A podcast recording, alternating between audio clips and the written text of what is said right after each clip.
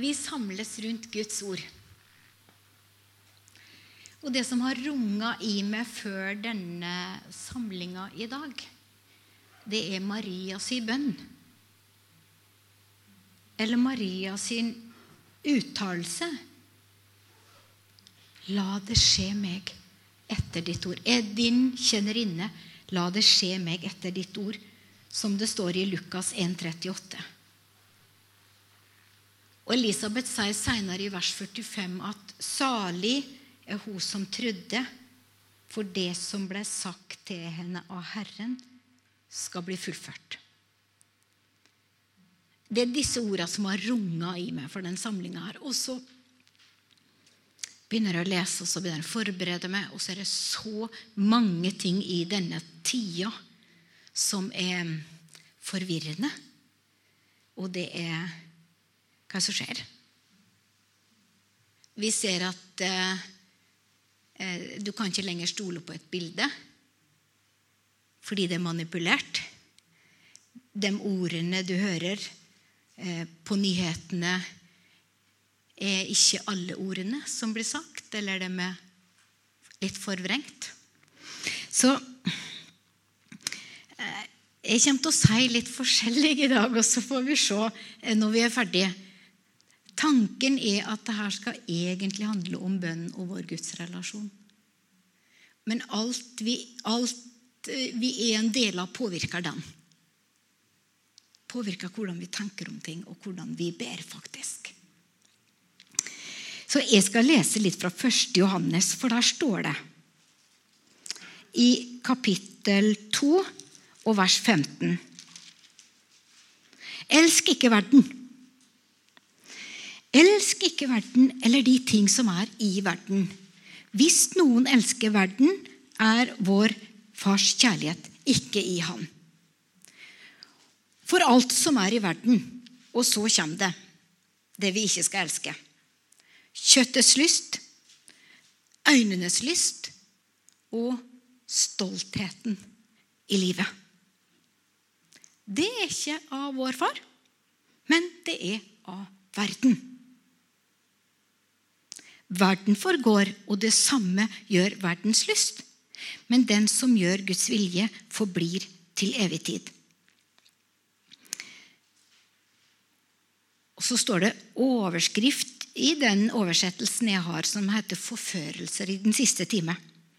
Så skriver da Johannes, og dette er jo en stund siden, men han skriver 'Dere barn, det er den siste time'. Slik som dere har hørt at Antikrist kommer, er det allerede nå kommet mange antikrister. Av dette vet vi at det er den siste time. Og så står det i vers 22, 21 Jeg kan ta om forresten alt. 19. De gikk ut fra oss, men de var ikke av oss. For hadde de vært av oss, ville de ha fortsatt sammen med oss. Men de gikk ut for at det kunne bli åpenbart at ingen av dem var av oss. Og dere har salvelse fra Den hellige ånd og forstår alt. Jeg har ikke skrevet til dere fordi dere ikke kjenner sannheten, men fordi dere kjenner den og vet at ingen løgn er av sannheten. Hvem er løgneren uten den som fornekter at Jesus er Kristus? Han er antikrist, han som fornekter Faderen og Sønnen. Hver den som fornekter Sønnen, har heller ikke Faderen. Den som bekjenner Sønnen, har også Faderen. Når Maria sa 'La det skje meg etter ditt ord', så levde hun i ei tid da folk ventet på Messias. De ventet på en frelser. Den tida kjenner vi nå. Vi kjenner at folket rundt oss, storsamfunnet, verden, venter på en frelser. Altså, og hva er en frelser? Jo, det er en som skal redde oss. Det er en som skal få denne verden til å fungere godt. Og i kjølvannet så er det Eller ikke i kjølvannet, men samtidig så er det mange antikrister, hvis vi definerer det som Gud ut av samfunnet. Så er det mange røster som vil ha Jesus ut. Og så vet vi at det er ikke en verdensfrelser. Sånn som Maria, De venta jo på at det skulle komme en som skulle frelse dem fra romerne. Men vi vet at når vi venter på en frelser, så venter vi på han som skal lage en ny himmel og en ny jord. Det er på et helt annet nivå. Og det som er da imot Jesus, hvis vi definerer antikrist da, Det som er imot Jesus i dag, imot Guds eh, tilstedeværelse i vårt samfunn, så er det den vi må være obs på. Så når vi, eh, vi ser etter eh, For det er jo på en måte Jeg har vokst opp med på en måte en definert antikrist. Og det kan det hende jeg kommer en verdensleder som leder på en annen måte som Mange vil tro at det er Kristus. Mange vil tro det er Frelseren.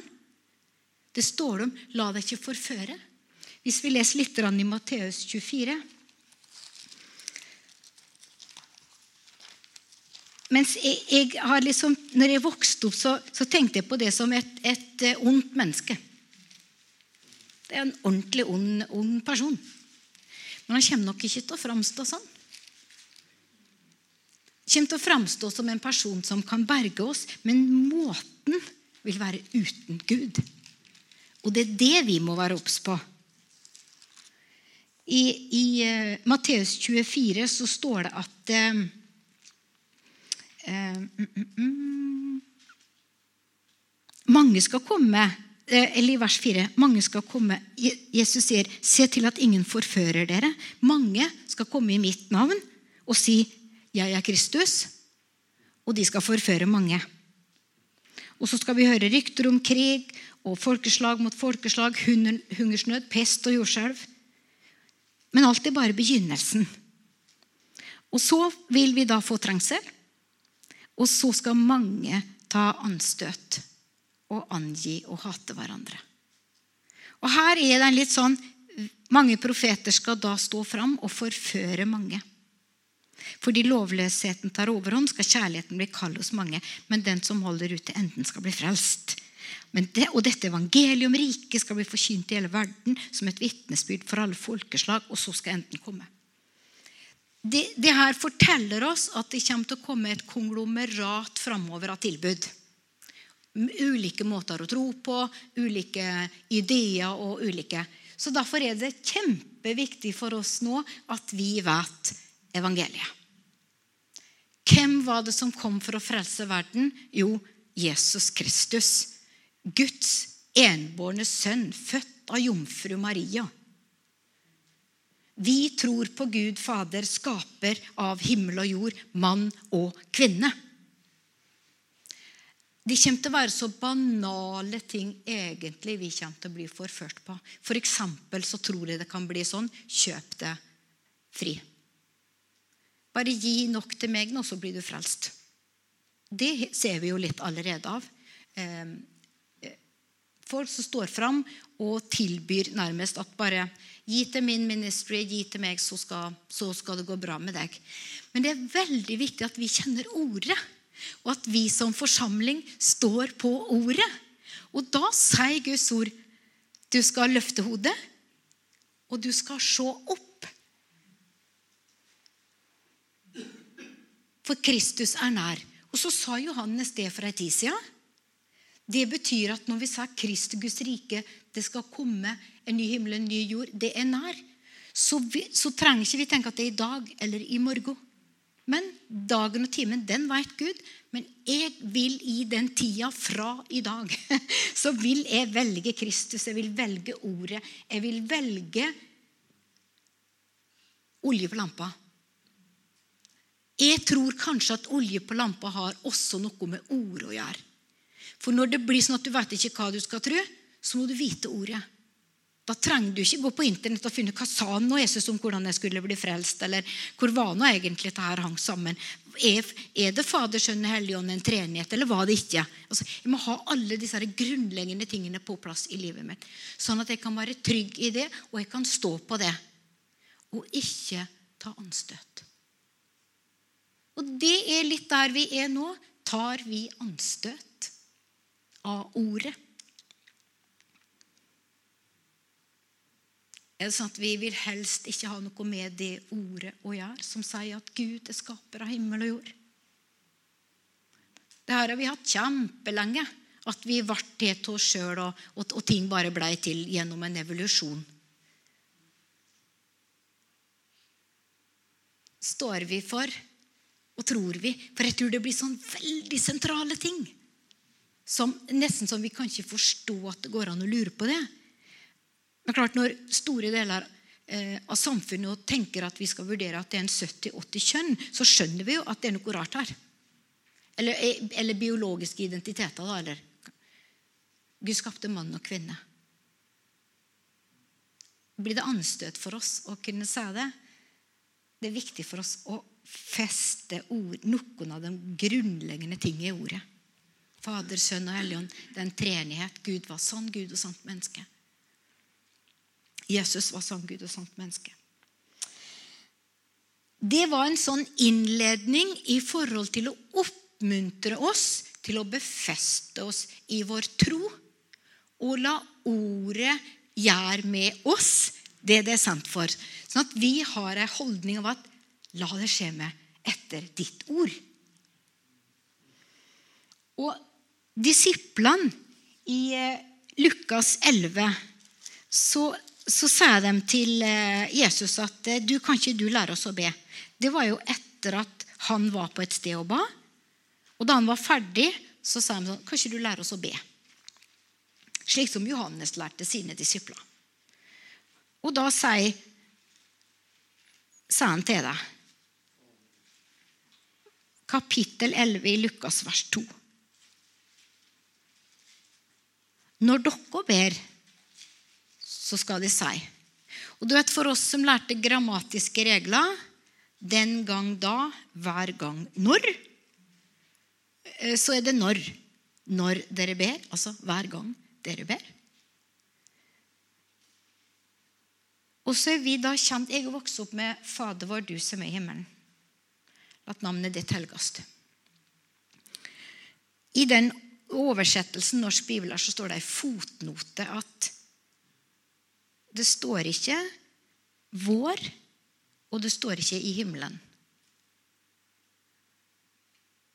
Så da, hvis det er rett, så sa Jesus, 'Far, du som er'.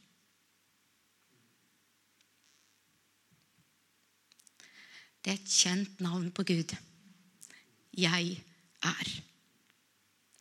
Og husk at Jesus han skulle lage en veldig transformasjon i israelsfolket. De skulle Gud var deres Gud. Men Jesus skulle vise dem at han var en gud for alle folkeslag. For alle nasjoner. Så når vi da sier far, så er det bare én person i hele universet som det gjelder. Så nå skal ikke jeg si at det er alt den sikreste oversettelsen, men det er iallfall en sannhet der at vi kan si far. Det er bare én som kan kalles far i den forstand. Far, du som er. Han har alltid vært. Han er alle steds nærværende. Han er 'jeg er'. Så står det videre La ditt navn være hellig.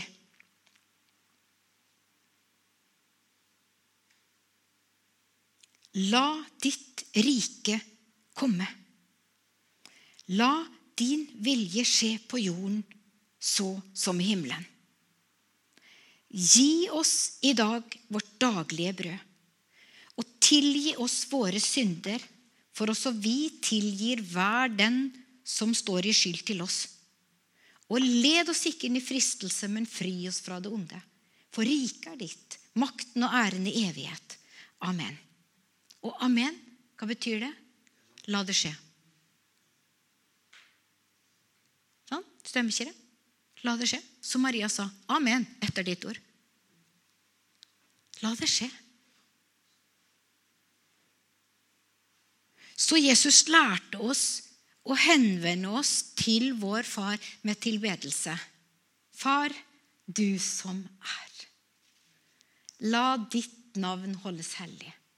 La ditt rike komme, la din vilje skje på jorden så som i himmelen. Gud er skaper av himmel og jord, og han har en vilje den ble forpurra på jorda.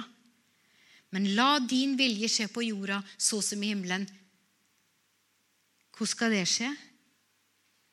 Ja, det er jo gjennom oss, det, da. La din vilje skje på jorda så som i himmelen. La det skje meg etter ditt ord. Og så kommer våre behov. Gi oss i dag vårt daglige brød. Enkelt og greit. Det innbefatter absolutt alt. Og Vi vokste jo på, vi som er litt gamle, da, vi vokste jo på skolen med Paulus sine, nei, Luther sine forklaringer. Og utdyping av hva innebar det med 'gi oss i dag vårt daglige brød'. Eller 'gi oss hver dag vårt daglige brød'. I det kan vi innbefatte alt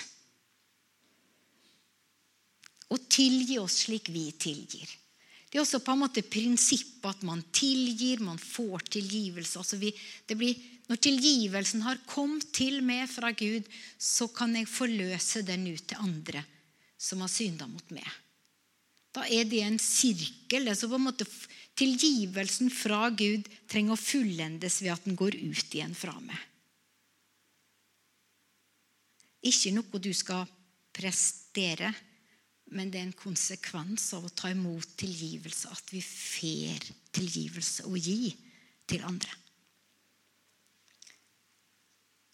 Og led oss ikke inn i fristelse, men fri oss fra det onde.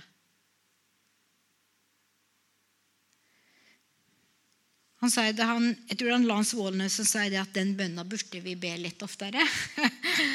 Tenk om David hadde fått bønne, nei, Josef hadde fått bønnesvar når han satt i fengselet. Da ba Josef og sa til bakeren og munnskjenken at 'Husk nå på meg, da'. Sant? 'Hjelp meg ut herfra nå'. Han fikk ikke svar på den bønna, og det var bra, for folket var ikke forberedt.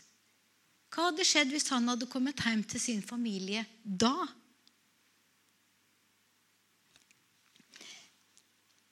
Av og til så ber vi bønner som Gud ikke svarer på. Og noen ganger så må vi være kjempeglade for det. For det ville bare ført til ondt. For Josef så ville ikke det ført til hans liv i Egypt. Sant? Ganske fascinerende å se. Men ok. Hverdag, det her handler altså om hverdagslivet mitt. Det er en som sier det at eh, han som har laga disse Bible Project-videoene. En, eh, en, en, amerikansk teolog. Han sa det at eh, Fader vår, det er jo ei, mer en mal enn ei oppskrift. Samtidig så sa han Ta og be den bønna tre ganger om dagen i tre uker. Det er sterke ord, vet du. Og det, og, og det at um, Av og til så kan vi tenke at nei, det var ikke det som var meninga, men, men da ber vi Jesu ord. Det er ikke å kimse av det. Og så kan vi be mye annet samtidig, eller i tillegg. Men tenk å be hver dag skje din vilje på jorda, så som i himmelen gjennom meg i dag. Litt sterkt. Så det å ikke lage det som et ritual som noen andre skal Men at jeg er en del av det som bes i Fader vår. At jeg kan være full av tilgivelse jeg, i dag. Mm. Tenk på den. Hverdagslivet vårt. Vi vi, vi bor i alt det skapte. Tenkte på det i går jeg gikk nedover veien. Jeg tråkker på den jorda som Gud har skapt. Jeg ser opp på den himmelen som Gud har skapt. Jeg lar den sola som skinner, skinne på meg. Den sola han har skapt, skinne på meg. Er Gud hos oss? Rundt oss? I oss? Ja. Vi lever sammen med Gud. Og Øystein han Øystein dukka Øystein, Øystein og Chris Chris hadde jo en undervisning da, om at det å, å, å, å, møte Gud, liksom Så sa Chris jeg trodde ikke det var mulig å unngå. Ja, Han er jo overalt.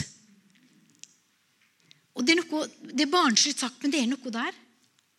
Han er jo overalt, så det å være sammen med Gud er jo ikke vanskelig. Det er å bare puste, det.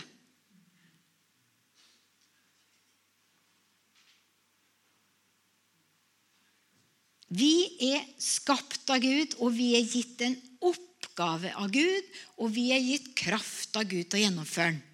Første oppgave var å ta vare på jorda. Gjør det ordentlig fint her. Pass på henne. Det oppdraget tror jeg gjelder fortsatt. Så når vi kjører bil og fører regnskap og steller syke og, og går på butikken og handler med Beate og sånn Alle oppgavene er på en måte at de skal ta vare på jorda, vi skal ta vare på samfunnet. Så det tror jeg er en oppgave til alle mennesker. At vi skal være en del av dette samfunnet. Og Gud gir oss kraft til det, til å vandre sammen med Gud. Og det er på en måte Dette er å vandre sammen med Gud, ha et liv i bønn, det er egentlig noe av et liv bare i tillit til Gud. Så når noe oppstår, så er det første tanken min så er det Gud. Gud. Du, du er min forsørger. Du er min beskytter. Du vet alt. Du gir kraft. Så da er det spontane, det som skjer i oss, det som stiger opp i oss, det er Gud. Og, og bønn er jo på en måte et uttrykk for kommunikasjon med Gud. Og lett havner vi i at det er vi som tar initiativet. Og I stedet for å respondere som Maria, la det skje med etter ditt ord, så drar vi i gang en del ting, spørsmål og forespørsler som Gud allerede har gitt oss. Og vi kunne sagt takk for ditt ord, la det skje med etter ditt ord. Du vil aldri forlate meg. Så noen, når vi ber, så Det er interessant du tenker, hvis du tenker gjennom litt sånn Hva tror du? For hvis du ber 'Å Gud, du må aldri forlate meg', da trenger du å lese litt mer Guds ord. Om at han har gitt sin sønn Jesus Kristus for deg. Han vil aldri forlate deg. Han fra sin side vil aldri forlate deg. Så da kan vi takke at la det skje med etter ditt ord. Du vil aldri forlate meg. Jeg vokste jo opp med 'Kjære Gud, jeg har det godt'. Takk for alt som jeg har fått. Kjære Gud, gå aldri fra meg. Så den forandra vi litt på. Vi, kjære Gud, takk at du går aldri fra meg. Sånn. Vi må ikke be om ting som på en måte er, er som bare skaper en tanke i oss om at det er mulig. Det er jo ikke mulig, det. Det er ikke mulig at Gud forlater meg. Det er jeg i tilfelle som må forlate han. Men Gud forlater ikke meg. Vi har fått så ufattelig mye. Og i første Peters brev, andre Peters brev, 1, 2-4, så står det jo noen ord som, som du kan ete av i ukevis, ja, i årevis, og vel i grunnen aldri komme helt fullt ut eh, til bunns i, i hva Gud sier. Skal vi se hvis det finner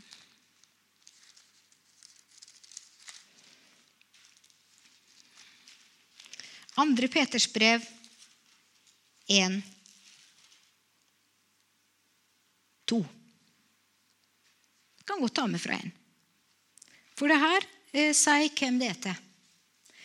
Simon Peter, Jesu Kristi tjener og apostel, til dem som har fått den samme dyrebare tro som vi, vår Gud og vår Frelser, Jesu Kristi rettferdighet. Nåde være med dere.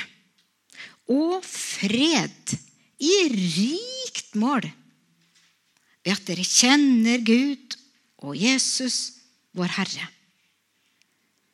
Fordi Hans guddommelige kraft har skjenket oss alt som tjener til liv og gudsfrykt.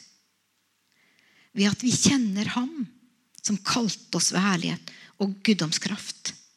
Ved dette er vi skjenket de største og mest dyrebare løfter, for at dere gjennom dem skulle få del i guddommelig natur etter å ha flykta unna fordervelsen som tilhører lysten i denne verden. Vi snakka tidligere om kjødets lyst, øynenes lyst og verdens lyst. Den har vi valgt vekk, vi. Fordi vi har funnet og fått noe som er så ufattelig mye større. Det er jo ikke sammenlignbart i det hele tatt. Og så står det noe da videre her. Nettopp derfor skal dere også med all iver la deres tro vise seg. Så det her vil synes. Vise seg i god karakter. God karakter i kunnskap. Kunnskapen i avhold. Avholden i utholdenhet. Utholdenhet i gudsfrykt. Og gudsfrykt i broderomsorg. Og broderomsorgen i kjærlighet. Det er et kjekt folk å være sammen med. Kjekke folk. Full av godhet og kjærlighet. For om alt dette er rikelig og overstrømmende hos dere, skal dere verken være uvirksomme eller uten frukt, dere som kjenner vår Herre Jesus Kristus. For den som mangler disse ting, er så nærsynt at han er blind og har glemt at han blir trenset fra sine tidligere synder. Derfor, søsken, skal dere være enda mer ivrige etter å gjøre deres kall og utvelgelse fast. For hvis dere gjør dette, skal dere aldri noensinne snuble. For slik skal det bli gitt dere inngang til vår Herre og frelse Jesu Kristi evige rike. Inngangen blir ikke gitt som et resultat av vårt liv. Men vårt liv er et resultat av den inngangen langt oppe i versa der. Ved troa på Jesus Kristus. Vi som har fått den samme dyrebare tro. Det er troa som gjør at inngangen Men troa vises. Og den vises i vårt liv, og den vises i våre bønner. Den vises i vår fokus. Vi er Guds barn. Vi er Guds barn. 1. Johannes 3, 1-2, så står det jammen vi er Guds barn. Og I Romerne 12,2 så står det noe om å bli forvandla ved at ditt sinn fornyes. Og en, en forvandling er ikke en eh, prestasjon. Det er, en, det er, en, reaksjon, på en måte, eller en, en Hmm? Ja, det, det er metamorfose. Det er, altså, det er ikke noe som sommerfuglen gjør sjøl for å gå fra puppe til sommerfugl. Det er noe som skjer med sommerfuglen. Og så er det noe som skjer med oss i møte med Gud og i møte med Hans kjærlighet. Og vi møter oss sjøl i døra av og til. Og vi møter oss sjøl i hverandre. Og vi møter oss sjøl i situasjoner der vi ser at Oi, det står skikkelig dårlig til med meg. Og mine holdninger. Min egen egoisme. Vi er på en måte som en løk, sa han Johannes Hartel.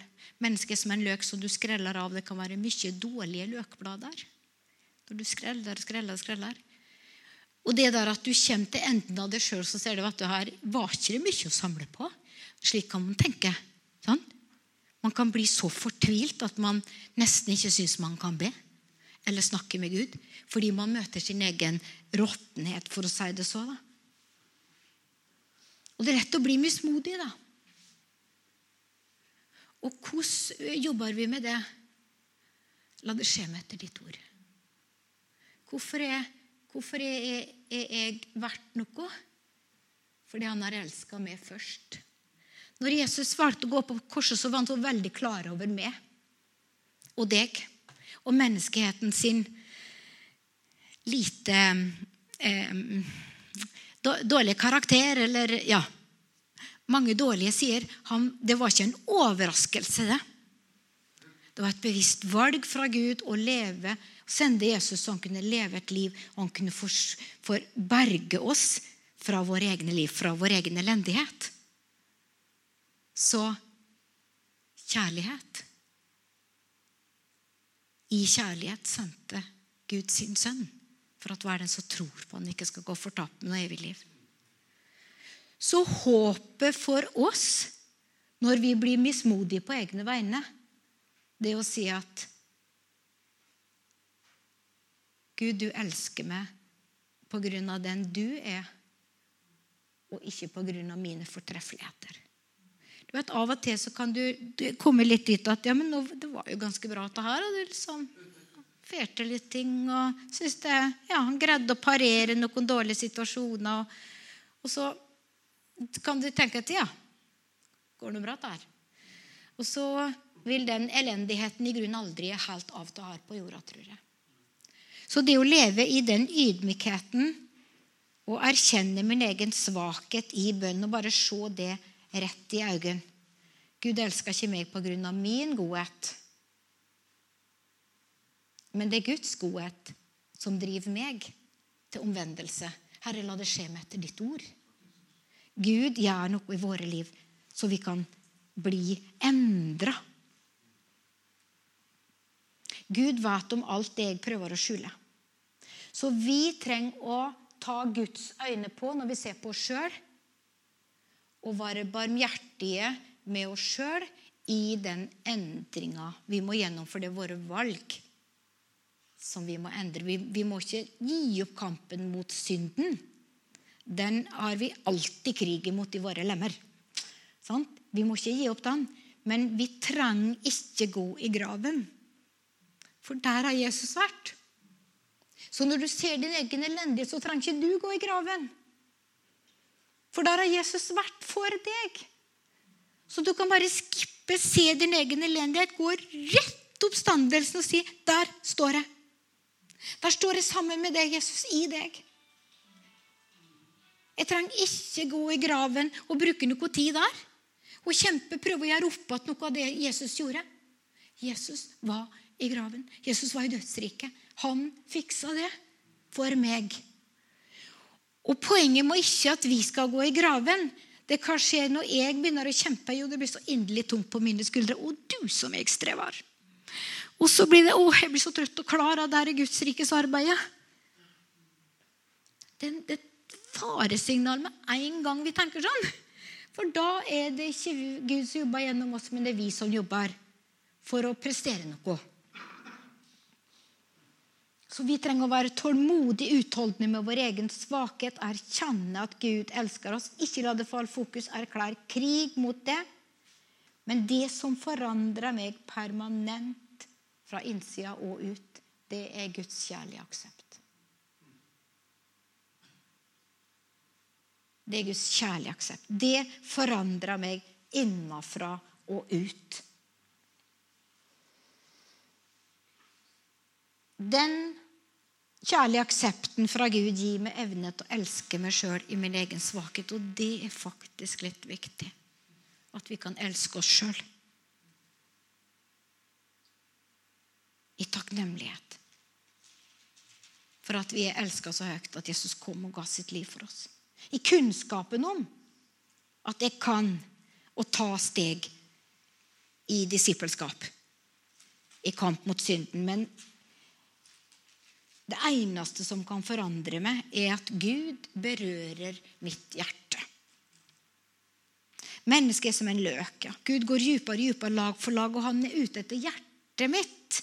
Og i bønn er ikke Gud interessert i noe fromt teater. Gud er i det hele tatt svært lite interessert i skuespill. Han er ikke interessert i å fake eller late som eller på liksom. Han vil ha hjertet vårt fullt og helt. På ordentlig. På rett. Ikke på liksom. Og Derfor er det så utfordrende, fordi det her møter meg så til de grader i hverdagssituasjonene. Når jeg blir irritert og oppblåst og uff, ja. Det møter meg. Men Guds mål for meg er ikke at jeg skal bli litt frommere. Ikke? Det skal bli litt Over tid så skal jeg bli litt bedre. Nei, Guds mål for oss det er en fullstendig forandring av hjertet mitt. Han vil at åndens frukter skal blomstre i hjertene våre. Og så en interessant ting. La det skje med etter ditt ord. Maria, det ble lagt et ord i hennes sitt hjerte, i hennes sin eh, livmor. Det var Ordet Helligånd la et, et, ord, et frø. Sånn? Ordet ble kjød. Det ble lagt et ord der i henne som vokste fram. Hva er forskjellen på frukt og eh, produserte varer? Jo, det er jo måten det skjer på. Maria bar fram et barn. Hun produserte det ikke. Og vi, når vi får barn, så vi kan ikke ta æren heller, vet du. For det var jo bare noe hyggelig vi gjorde, og så um, ble det et barn. Helt uten at vi visste det. Vi visste at det var en mulighet for å bli et barn av den handlinga. Men vi skjønte, vi hadde ingen peiling på hva som skjedde. Det var et verk av Gud. Men vi gjorde noe handlinger. Og vi må gjøre noe handlinger for at vi skal være frukt.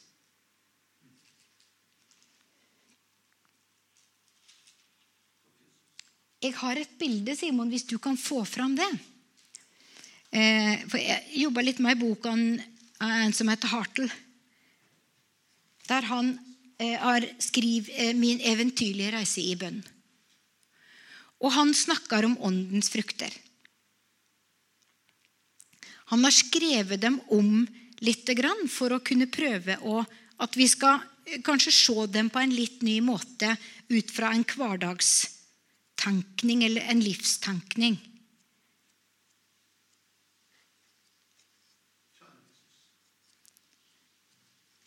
Jeg tenkte jeg skulle finne den her. Ja. Åndens frukt. Så skriver han Han har liksom definert kjærlighet.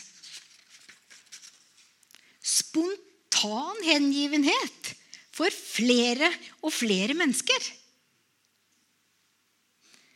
Glede. En sprudlende energi over å være i live. Fred indre sinnsro i tider med ytre stress. Overbærenhet. Evnen til å hele tiden utholde det ubehagelige. Vennlighet. Aktiv interesse for andres velferd. Godhet. I enhver samhandling er det åpenbart at jeg anser andre for å være av hellig verdi. Trofasthet.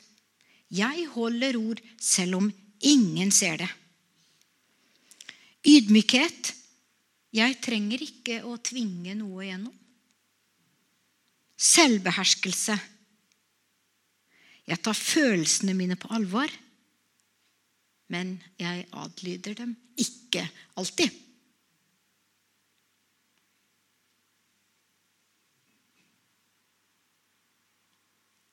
Vi trenger ikke presse fram åndens frukt ved at vi tar egne samvittighetsfulle, rasjonelle beslutninger. Men den blir mer og mer av min hjerteholdning, sa en Hartel. Min grunnleggende hjerteholdning. Og da sa han at det er faktisk bare mulig ved at følelsene mine forvandles. Og til det trenger jeg andre mennesker. For ingen er mindre i stand til å bedømme mitt eget hjerte enn meg selv. Nå leser jeg fra boka hans. Våre selvbedrags ubevisste strategier stikker for dypt. Mine egne blindflekker hindrer meg i å innta rollen som min egen lege. Jeg trenger andre. Andre som jeg kan fortelle om mitt eget mørke uten frykt, og som kan si meg noe i nærheten av objektiv sannhet. Ordet som redder meg når det kommer til stykket, er ikke noe jeg kan si til meg selv.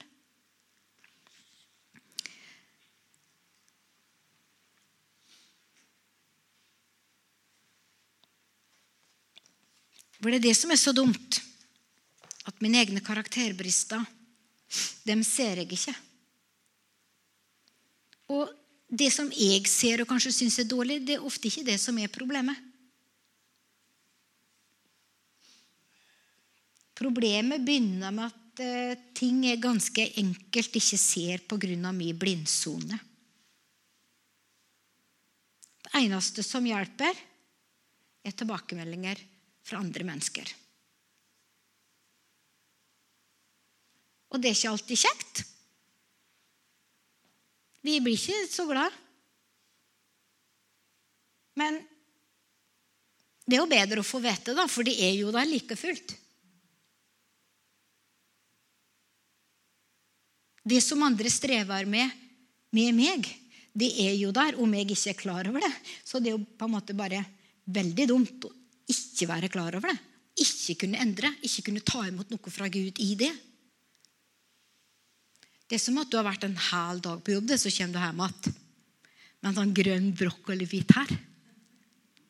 Skikkelig kjedelig. Da har du gått hele dagen med den grønne biten midt mellom tennene. Og det er ikke en som har brydd seg om å si det.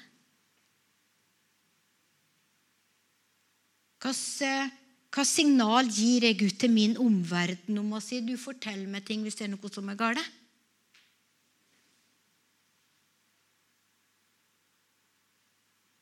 Kanskje vi kan oppmuntre et par stykker i vår nære krets om å være litt brutalt ærlig. Hva er det med meg? Hva er det de legger merke til om min oppførsel. Det er ikke lett alltid å akseptere en slik sannhet. Når noen sier at eh, jo, jeg, kjenner faktisk på det her og det her. Det kan være så ydmykende at noen andre skal måtte fortelle meg det. Og det går rett på stoltheten. De tar ta jeg skjønt sjøl. Men, men, men hva er Gud sier da? Gud står den, eh, eh, mm, den stolte imot. Men den ydmyke, den gir han nåde. Så det sier OK til deg. Svei skikkelig. Da skal jeg gå til Guds ord med og ta. Tusen takk for at du sa det. Tusen takk for at du er nok glad i meg til at jeg kan begynne på en ny vei. Til at jeg kan ta imot noe fra Gud i dette området her. For hvis det er ei blindsone så vil jeg aldri be Gud om hjelp på det. For jeg forstår jo ikke at jeg trenger hjelp engang. Det er ikke noen som går i banken og ber om å få sletta gjeld de aldri har tatt opp. Så be om tilgivelse, be om endring, så må du ha en erkjennelse først. At jo, jeg har et problem, og jeg skylder noe noen. Ikke sant? La det skje med etter ditt ord. Dette er forvandlingens vei. Og vi er ikke satt her på jorda for å være én og én og Gud. Nei, vi er hans kropp her. Og vi skal få lov å vandre sammen her. Og vi skal få lov å ta vare på hverandre her. Og i disse tidene vi går inn i nå Eller vi fortsetter i. Det er jo nå i tida vi er her. Så det er naturlig for oss å være her nå. Og Gud har utrusta oss og gitt oss nåde til å være her nå. Men i det vi går inn i, så kan disse prosessene med å se blindsoner i sitt eget liv føre oss til Guds ord, føre oss til endring i livet vårt, og at ikke vi tar anstøt.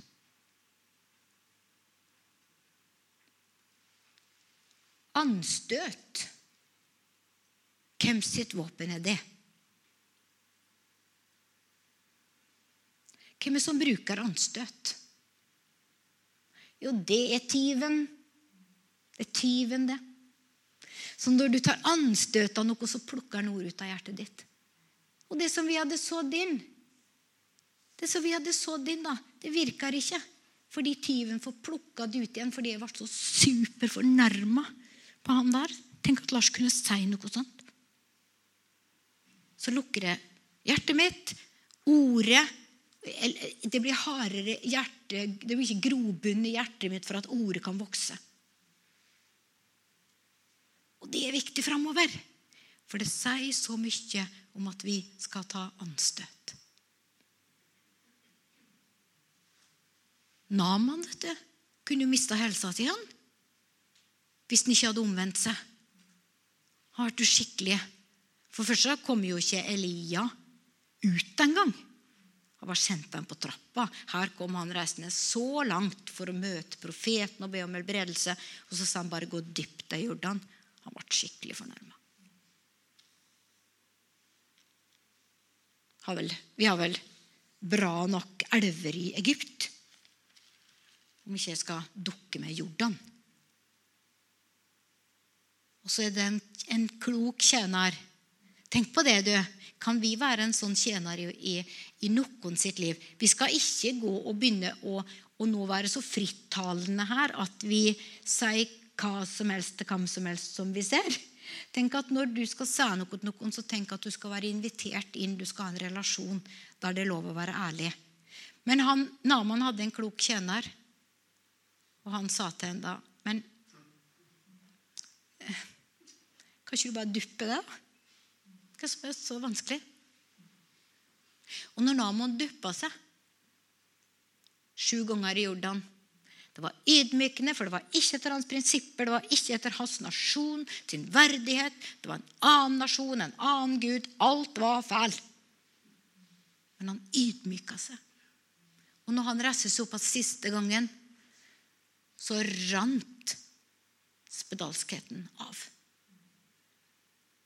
Så når vi gjør slike ydmyke handlinger, hva er det Gud ber, ber meg om å gjøre som en ydmykende handling? da? Men jeg skal bare vite at når jeg gjør det, når jeg gjør det på Guds ord, så vil spedalskheten eller så vil det som er galt med meg, det vil renne av.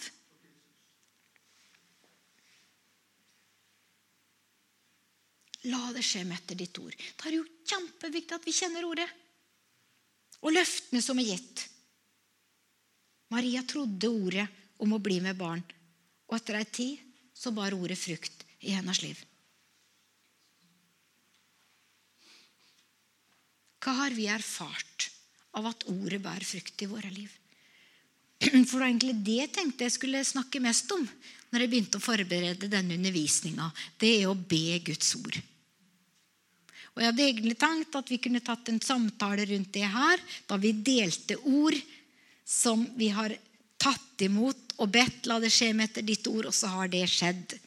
Tenkte vi kunne hatt en stund med vitnesbyrd. Men det kan man jo kanskje ta i life-gruppene, da.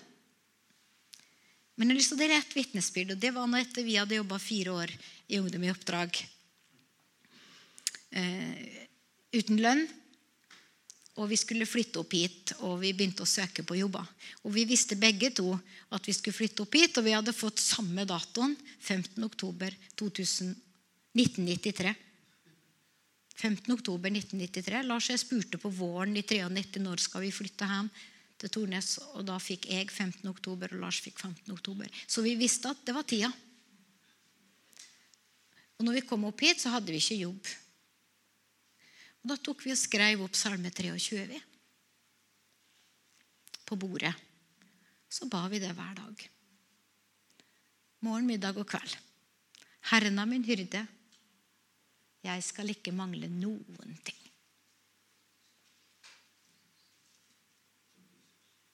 Har vi mangla noe? Nei, ikke til denne dag. Og Herren er trofast, han vil fortsette med det. Så er vi på ei bønnevandring i Himalaya-fjella i India. Og jeg går og jobber med noen ting. Så kommer det inn en SMS fra Vivian. Vivian sendte meg Salme 23, madam. Salme 23. Så Gud er god. Gud er god. Han holder sitt ord. Og når vi ber Guds ord, så vet vi at vi ber etter hans vilje. Og så må vi kjenne Guds ord så godt at vi skjønner hva som er et sitat, og ikke et ord som vi skal be. For det er jo noen ord som er litt spesielle, som ikke vi skal be opp igjen. Vi har jo forskjellige eksempler på det. Jeg trenger ikke ta det nå, for det er litt jeg tenker at vi, vi som hører på nå, vi skjønner det. At du må be ordet som vi skjønner er ord fra Gud. Ikke bare en fortelling av noen som sa noe. Så at vi ber Jesu ord. Og, og summen av Guds ord er sannhet.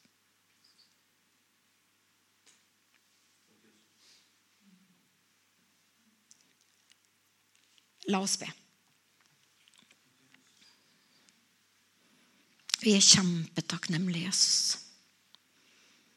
Vi er bare så takknemlige for her vi er i dag.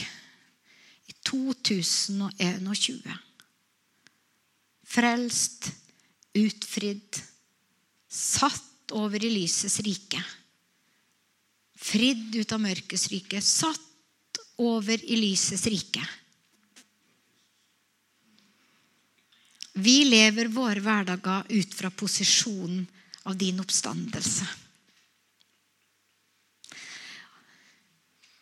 Det er ingen våpen som smis imot oss som skal ha framgang. Det er en arv for den rettferdige. Så vi kan få lov å gå ut i våre hverdager i tro og tillit til deg. La det skje med etter ditt ord. Så ønsker vi å gå ydmykelsens vei, ikke stolthetens vei.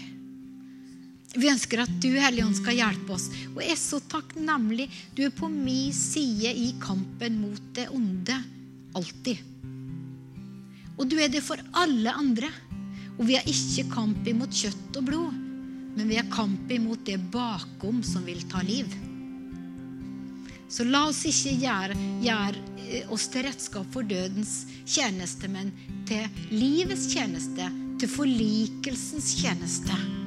La oss gå ut og, og, og si til mennesker du må la deg forlike med Gud. Han har gjort alt for deg. Ta imot det.